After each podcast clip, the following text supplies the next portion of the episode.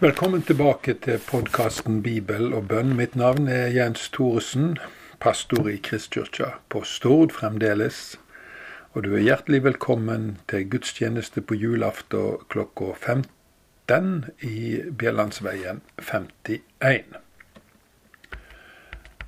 I dag skal vi lese sammen Salme 119, vers 1-3 i Jesu navn.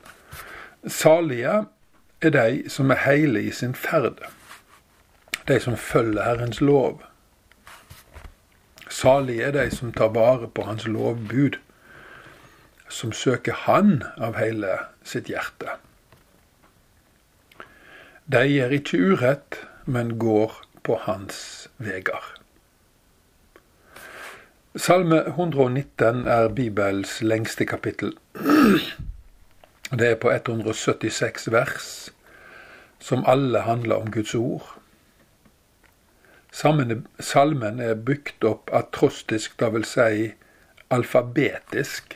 De åtte første versene starter på den hebraiske bokstaven alef, tilsvarende vår A, naturligvis, og de neste åtte på bet, som tilsvarer vår B, og så videre. Flere av Bibels salmer er bygd opp på denne måten. Ordet salig betyr både lykkelig og velsigna. Folk kan jo være lykkelige uten å ha frelsens velsignelse. De burde jo heller sørge. Så hender det dessverre også at folk som har frelsens velsignelse, ikke er glade fordi de har glemt hvor rike de er, og hvor høyt de er elska av Gud, sin far. Å være heil i sin ferd betyr ikke å være syndfri, men å være et ærlig og sant menneske.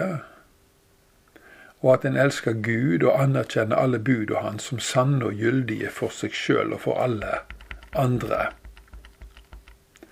Å ta vare på hans lovbud betyr å studere de, memorere de, praktisere de, hevde de og forkynne de. Her står den åndelige kampen i vår tid. For mennesker angripe Guds lover og vil innføre sine egne løgnaktige forestillinger om hva som er rett og galt og godt og vondt, og dette skjer i stor stil. I særdeleshet gjelder dette når det gjelder seksualitet og samliv. Gud sier at ekteskapet mellom ei kvinne og en mann er den eneste rette samlivsform. Alt utenfor dette mønsteret er av det vonde. Men mennesker vil ikke høre på det. De hører heller på tida sine falske stemmer om at alt egentlig er like bra på dette området. Men det vondeste og mest skadelige vi kan gjøre, er å degradere Gud og sette oss sjøl over Han og Hans bud. Tenke, tale og leve med slik forfører vi våre medmennesker. Og vi fører oss sjøl inn under Guds evige dom. Derfor elsker vi Guds bud. Og når vi holder de, går vi på Hans veier, og Hans veier fører oss alltid mot Hans mål. Herrens veier er kjærlighetens veier, og alle Hans bud reflekterer Hans kjærleik til oss mennesker. Viker vi av fra budet, demonstrerer vi ikke kjærlighet i det hele tatt. Og vi havner i ei eller annen grøft, og da må vi frelses for å kunne gå videre. Det var dagens bibelrefleksjon. Nå skal vi be i dag, og da skal vi be for et folkeslag i Usbekistan som heter Karakalpak. Denne folkegruppa teller 756 000 mennesker i dette landet. De er sunnimuslimer og har sitt eget språk. 0,0 er kristne.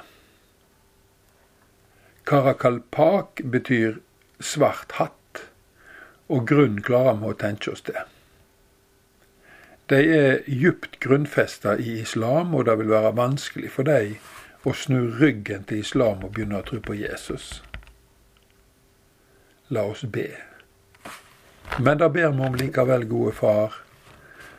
Vi ber om at det skal skje, at Karakalpak blir så sterkt påvirka av ordet ditt og Din hellige ande at de forstår at Jesus er den eneste veien til himmelen Løs de fra islam samtidig som de, du hjelper de å ta vare på kulturuttrykkene sine.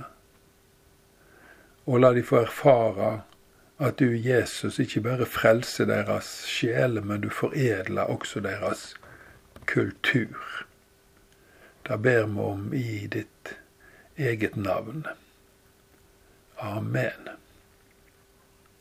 La oss be Herrens bønn. Vår Far i himmelen. Lat navnet ditt helgas, lat riket ditt komme. Lat viljen din råde på jorda så som i himmelen. Gi oss i dag vårt daglige brød, og tilgi oss vår skyld som vi òg tilgir våre skyldnere. Og lat oss ikke komme i freisting, men frels oss fra det vonde, for riket er ditt, og makta og æra i all Eva. Må Herren velsigne deg og bevare deg. Må Han la sitt ansikt lyse over deg og være deg nådig. Må Han løfte sitt åsyn på deg og gi deg fred. Takk for at du tok deg tid til å lytte til Guds ord og være med i bønna for, for eh, Karakalpak-folket i Usbekistan. Ha en god kveld, og på gjenhør.